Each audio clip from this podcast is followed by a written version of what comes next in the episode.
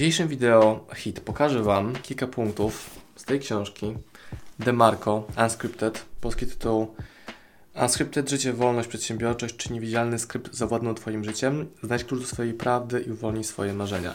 Książka jest mega długa, bardzo gruba, a ja Wam pokażę kilka punktów, które są taką checklistą, która może bardzo mocno obudzić, pobudzić i pokazać, hmm, może nie do końca to życie, które mam jest takim, jakie bym chciał mieć i chcę, żebyście razem ze mną tą sobie checklistę odhaczali. Gdy będziesz chciał, to sobie później kup całą książkę, natomiast y, dla mnie najbardziej istotne jest to, żebyście sobie tą checklistę zrobili. Zobaczcie, on bardzo dużo mówi o tym, aby zamienić się z konsumenta w producenta. Ja też to głoszę od już wielu lat. Ja, Gary Wojneczuk i wielcy inni twórcy internetowi. Jedziemy sobie z tą checklistą. Bądźcie ze mną, weźcie sobie jakiś długopis, kartkę i tak dotyczy, nie dotyczy, dobra? Przewodzisz stadu, a nie podążasz za nim. Pod kątem internetu można sobie to mm, obrazować jako, czy masz społeczność swoją klientów, fanów, kontrahentów, ludzi, którzy wokół Ciebie są, czy jesteś tylko i wyłącznie jakimś małym tribikiem, który ogląda czyjeś rzeczy. To mogą być czyjeś rzeczy pod tytułem czyjś Netflix, czyjś YouTube, czyjś, e, czyjś, czyjś, czyjś blog, czyjś Facebook. Więc znowu pytanie, czy jesteś przewodnikiem stada, czy podążasz za nim? To był pierwszy punkt. Wytyczasz nowe szlaki, a nie poruszasz się po utartych ścieżkach. Pytanie, czy działasz w inny, niestandardowy sposób, czy powtarzasz taki schemat, jak na przykład jest to w przypadku nie wiem, rodzin, że studia, małżeństwo, kredyt, kupno domu, dzieci, e, dwie prace etatowe i to jest standard i dokładnie wiesz, jak twoje życie będzie wyglądać. Czyli nieciekawie. Jednocześnie z ogromnym ryzykiem, ale o tym będzie w innym wideo.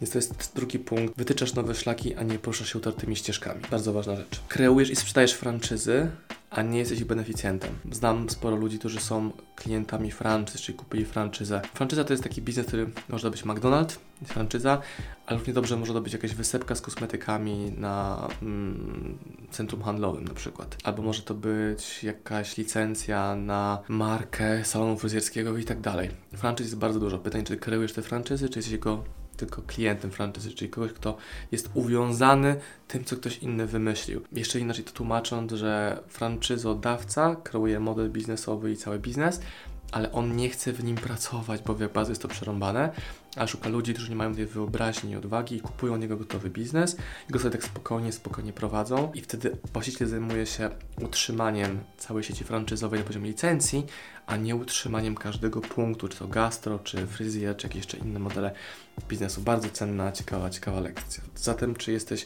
kreatorem franczyz, czy je kupujesz? Kolejny punkt dla mnie bardzo ważny. Pobierasz tantiemy lub czynsze, a nie płacisz je. Dużo się mówi o nieruchomościach. Pytanie, czy masz nieruchomość, która dla Ciebie zarabia, czy w niej tylko mieszkasz? Czy czytasz książki, czy tworzysz książki, z których pobierasz tantiemy. My jako SM Power mamy każdą wersję tantiemów obcykane, czyli zarówno my płacimy tantiemy autorom, nam wypłacają tantiemy wydawcy, nam wypłacają tantiemy również klienci, są licencje audiobooków, e-booków itd., tak więc wszystko się zajebiście fajnie zgadza. Pożyczasz komuś, a nie od kogoś. Pożyczanie pieniędzy na konsumpcję jest najgorszą rzeczą na świecie. Jest najgorszą rzeczą na świecie.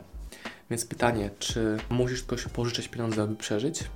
Mega błąd czy to od rodziny, czy to od banku, który sfinansuje Twoją nową wielką plazmę, żeby oglądać mecz, albo sfinansuje organizację ślubu na przykład, nie? Porąbane, a tak ludzie podobno robią. A jeszcze lepiej jest w ogóle pieniędzy nikomu nie pożyczać, tylko te pieniądze dawać. To jest też moja taka rekomendacja.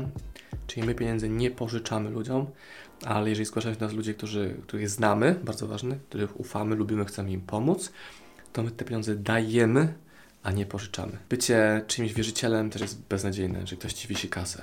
To jest bardzo niekomfortowe, więc nie chcę być zarówno ani dłużnikiem, ani wierzycielem. Bardzo ważna rzecz.